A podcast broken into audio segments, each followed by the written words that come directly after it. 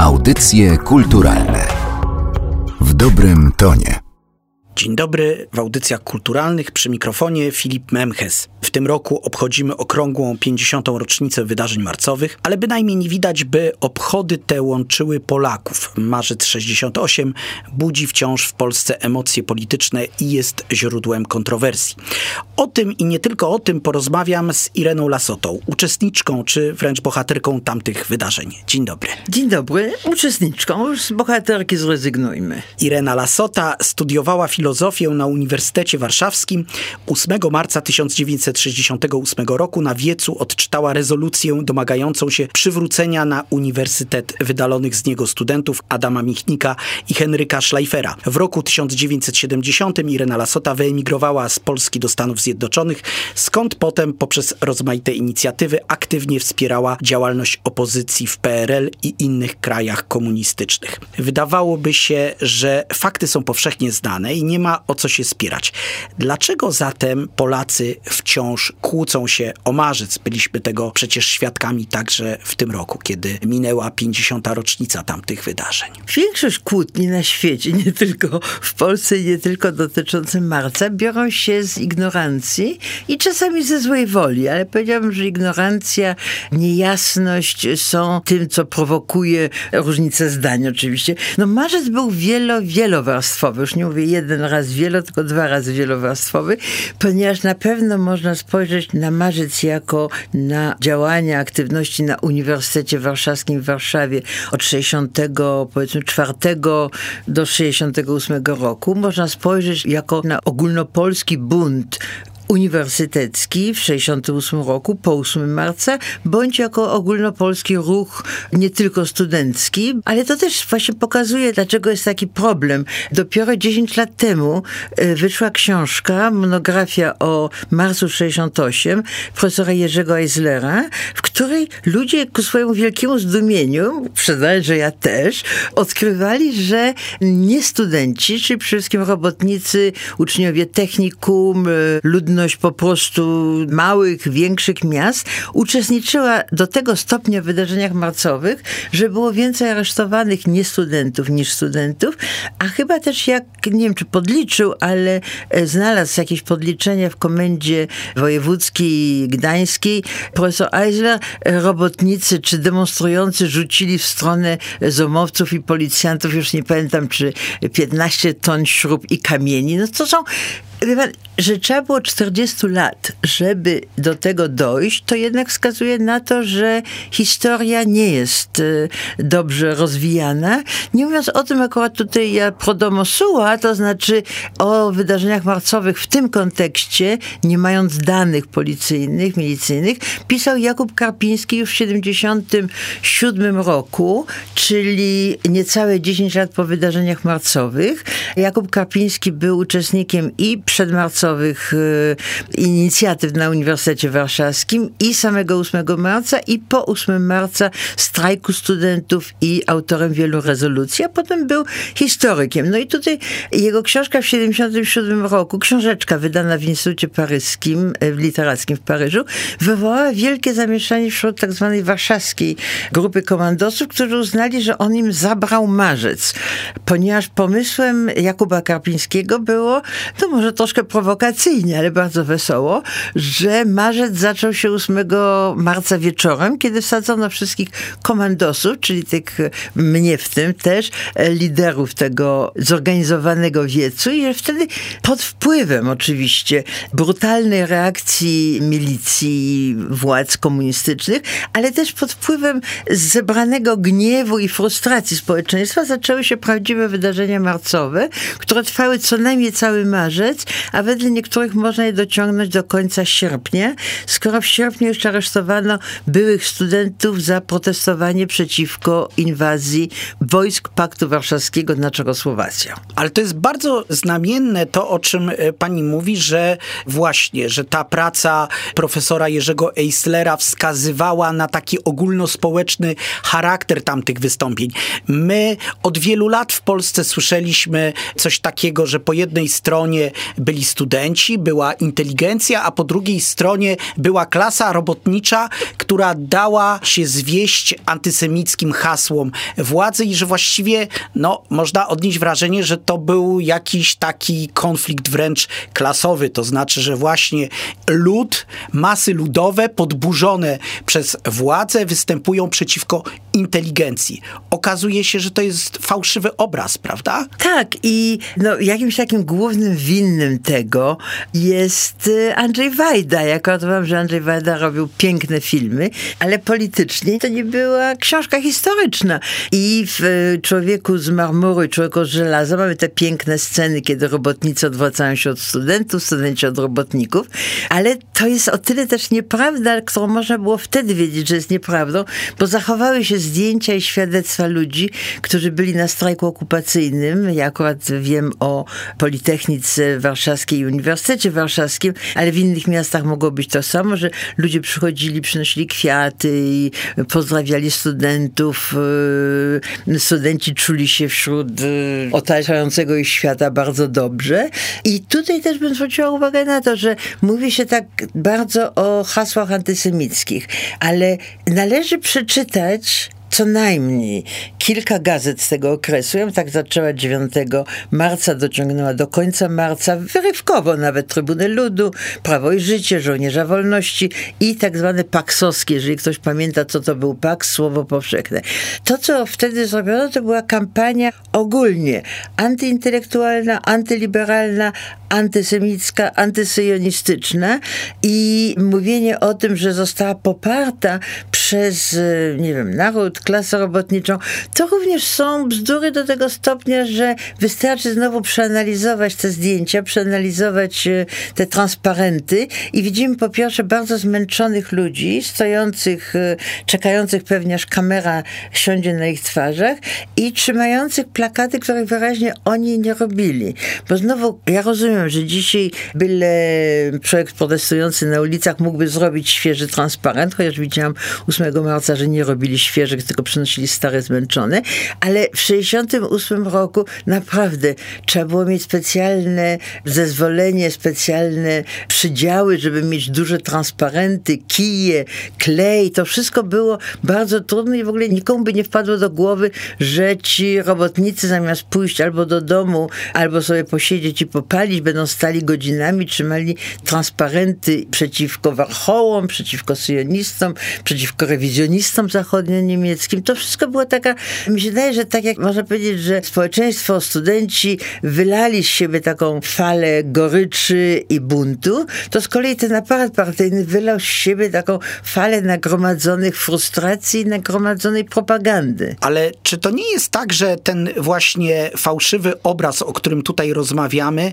on też wyłania się dlatego, że ta historia staje się dziś przedmiotem no, pewnej manipulacji. To znaczy, historia jest potrzebna, tak naprawdę pamięć o tamtych wydarzeniach często jest potrzebna po prostu, żeby uzasadnić pewne tezy, które wykorzystuje się w bieżącej polityce. To znaczy, to jest taka wizja też Polski Gomułkowskiej jako tak naprawdę państwa nie komunistycznego, tylko państwa nacjonalistycznego, że chodzi o to, żeby pokazać tak naprawdę, że tamta władza realizowała słowa Czesława Miłosza z traktatu poetyckiego ONR-u spadkobiercą jest partia, że taka bardzo powiedziałbym, no taki powierzchowny, jednoznaczny obraz tamtej władzy, która była tak naprawdę zjawiskiem dosyć skomplikowanym, złożonym, że to był, no owszem, był moczar ze swoją retoryką, ale to wszystko było znacznie bardziej skomplikowane. Pan tutaj porusza jeden chyba z najważniejszych problemów tych sporów, które przetrwały 50 lat. Trzeba powiedzieć, że po prostu prawie nie widać, kiedy się mówi o 68 roku, że była to władza komunistyczna. Ja już abstrahuję od tego, czy ci komuniści byli Polacy, Żydzi, Ukraińcy, Białorusini, czy Marsjanie. Ważne jest to, że słowo komunista obraża niektórych ludzi, którzy nawet sami nie byli komunistami, tylko uważają, że powinni ich bronić. I to wypadło bardzo przy debatach w okolicach 8 marca. No właściwie przez tydzień o niczym innym się nie mówiło. I ja muszę powiedzieć, że byłam w szoku, kiedy jednej strony słyszałam, wiem, że bardzo popularnego w telewizji czy w radiu profesora Ireneusza Krzemińskiego, który zabrał głos na jakimś panelu specjalnie, żeby bronić docentów marcowych, że oni coś wtedy zrozumieli i w związku z tym ten marzec był taki ważny, bo ci ludzie, którzy wypchnęli się, takie, takie no zera bardzo często na miejsce dobrych profesorów, to oni potem zakładali Solidarność. No tutaj ja sobie przypomniałam po prostu anegdotę, no, historię, którą opowiadał mi mój brat, y, fizyk, który poszedł się od razu zapisać do Solidarności, jak tylko Solidarność powstała i mówi, poszedłem tam do tego komitetu założycielskiego, to już nie pamiętam, czy to było w Pani, czy na uniwersytecie i widzę, siedzi jeden twój świadek oskarżenia, jeden znany tajniak, jeden znany ubek. To poszedłem, zapisałem się gdzie indziej. No więc wiemy już z różnych dokumentów, że w 80 roku, kiedy wydawało się, że Solidarność jednak idzie bardzo do przodu, jest jakieś polecenie do e, PZPR-owców i do ZSMP, no, powiedzmy nazwać, to komsomą można nazwać, żeby się zapisywali. Stąd się pojawiły to różne jakieś, nie wiem, struktury, poziomy liberalne i tak dalej. Ale potem słyszałam, że na wykładzie w Instytucie Historycznym również chyba w dniu 8 marca zostało powiedziane, że ten marzec miał wiele takich pozytywnych cech, między innymi doprowadził do okrągłego stołu. No tutaj to już mi włosy zupełnie stanęły dęba. Niestety nie było z kim tego zrobić, ale nawet pomyślałam w jakimś momencie, żeby wejść na tą samą ławkę, na której stałam 50 lat temu i powiedzieć przepraszam za marzec. No bo jednak są absurdy, które trzeba skończyć. I teraz tak, jest oczywiście sprawa emigracji ludzi pochodzenia żydowskiego. I tutaj oczywiście od razu mamy problem lingwistyczny. Czy oni byli pochodzenia żydowskiego, narodowości żydowskiej, czy byli Żydami, czy byli sionistami i tak dalej, i tak dalej. Ale wiemy o czym mówimy, więc to intuicyjne mówienie o tym jest w porządku. Mnie się wydaje, że władze państwowe, różne instytucje państwowe pomyślały, że to byłaby dobra okazja, żeby jakoś po raz pierwszy spojrzeć w tej sprawie prosto w oczy, sfinansować, podeprzeć różne inicjatywy różnych e, kół e, emigracyjnych, miejscowych, e, TSKŻ-u, Towarzystwa Społeczno-Kulturalnego Żydów w Polsce, sztuki teatralne i tak dalej.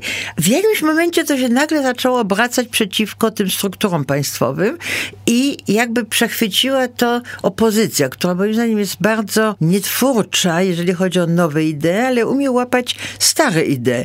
I zaczęto to obracać właśnie, no już y, zanim jeszcze cokolwiek było, była już zapowiedź w listopadzie 2017 roku, kiedy historyk Andrzej Fryszke zapowiedział właściwie, że w marcu będą wybryki antysemickie. No i potem się już potoczyło, zaczęła być analiza języka marcowego i byli nawet ludzie, którzy twierdzili, że nie ma żadnej różnicy. I tutaj, jeżeli to mówi jakiś polityk na wiecu, to niech mu będzie. Ale to mówili ludzie, których tytułowano panie profesorze, panie profesorze. I teraz ja na to powiem jedną rzecz. Proszę, jak powiedziałem przedtem, wziąć propagandę 68 roku i przypomnieć sobie, że wtedy poza tymi gazetami, które mamy, nie było niczego innego i że jeszcze, powiedzmy, nawet jeżeli byłyby listy do redakcji przeciwko kampanii antysemickiej, to te listy nie byłyby drukowane. Czyli mamy tutaj kraj, PZPR, rządzony przez partię komunistyczną, która kontroluje i cenzuruje wszystko. Radio, gazety, telewizji prawie nie ma. W telewizji pokazują. I porównujemy to z y, dzisiejszymi czasami, gdzie są dziesiątki, setki tytułów, programów telewizyjnych, radia i na niektórych z nich, zwłaszcza ja to sprawnie sprawdzałam, nawet na takich niekontrolowanych przez nikogo, czyli jakieś takie audycje na YouTubie, rzeczywiście występują ludzie, którzy mówią tym samym językiem. Niektórzy nawet są ci sami ludzie, co też jest bardzo śmieszne. Ale co to ma wspólnego z propagandą państwową? To, co tutaj było bardzo takie, mi się wydaje, bardzo słabe, znaczy takie, że temat do dyskusji nadawała wyłącznie taka nieżyczliwa opozycja. I strona, nie wiem, pro, nawet nie, naprawdę normalni ludzie, dawali się wciągać w tą dyskusję. I na przykład wszyscy dyskutują o projekcie ustawy senatora Żaryna. Rzeczywiście jest nieszczęsny, niemądry i tak dalej. Ale prawie nikt nie wie i nie dystrybuowano uchwały Sejmu przyjętej tydzień temu w związku z wydarzeniami marcowymi, która jest po prostu jednoznacznie świetna. Ale ludzie ciągle dyskutują o projekcie senatora Żaryna, mimo że teraz już słyszałam, że Senat przyjmie po prostu tą uchwałę Sejmu. Prezes PiSu Jarosław Kaszyński, który zawsze obwiniany, oskarżany o najgorsze rzeczy, powiedział chyba, że dwa, trzy tygodnie przed marcem, że antysemityzm jest, no on to nazwał w swoim języku dziełem szatana. Moim zdaniem jest to język całkowicie zrozumiały i całkowicie potępiający antysemityzm. Dzieła szatana nikt nie lubi poza satanistami. Prezydent Duda powiedział na Uniwersytecie Warszawskim 8 marca słowa no, wyrażające żal. Większość ludzi, których znam, odebrała to bardzo dobrze, ale nawet w tej prasie, powiedziałabym, takiej sympatyzującej, nikt nie cytuje, że osoba bardzo wpływowa w środowiskach opozycyjnych, jaką jest profesor Karol Modzelewski, w wywiadzie w TVN24 bardzo w jasny, nie, on zawsze mówi w jasny sposób, pochwalił te słowa prezydenta Dudy. Ale nie, ciągle się toczy dyskusja, ponieważ ci główni dyskutanci jakoś nadają, jak mówię, ton wszystkiemu. A czy Polacy powinni przepraszać za marzec? Pojawił się ten wątek, że to tak naprawdę, ponieważ nie da się wygumkować zupełnie faktu, że to jednak e, Polacy dokonali tych różnych złych rzeczy wówczas, to również Polacy dzisiaj, nawet jako naród, powinni przepraszać za marzec.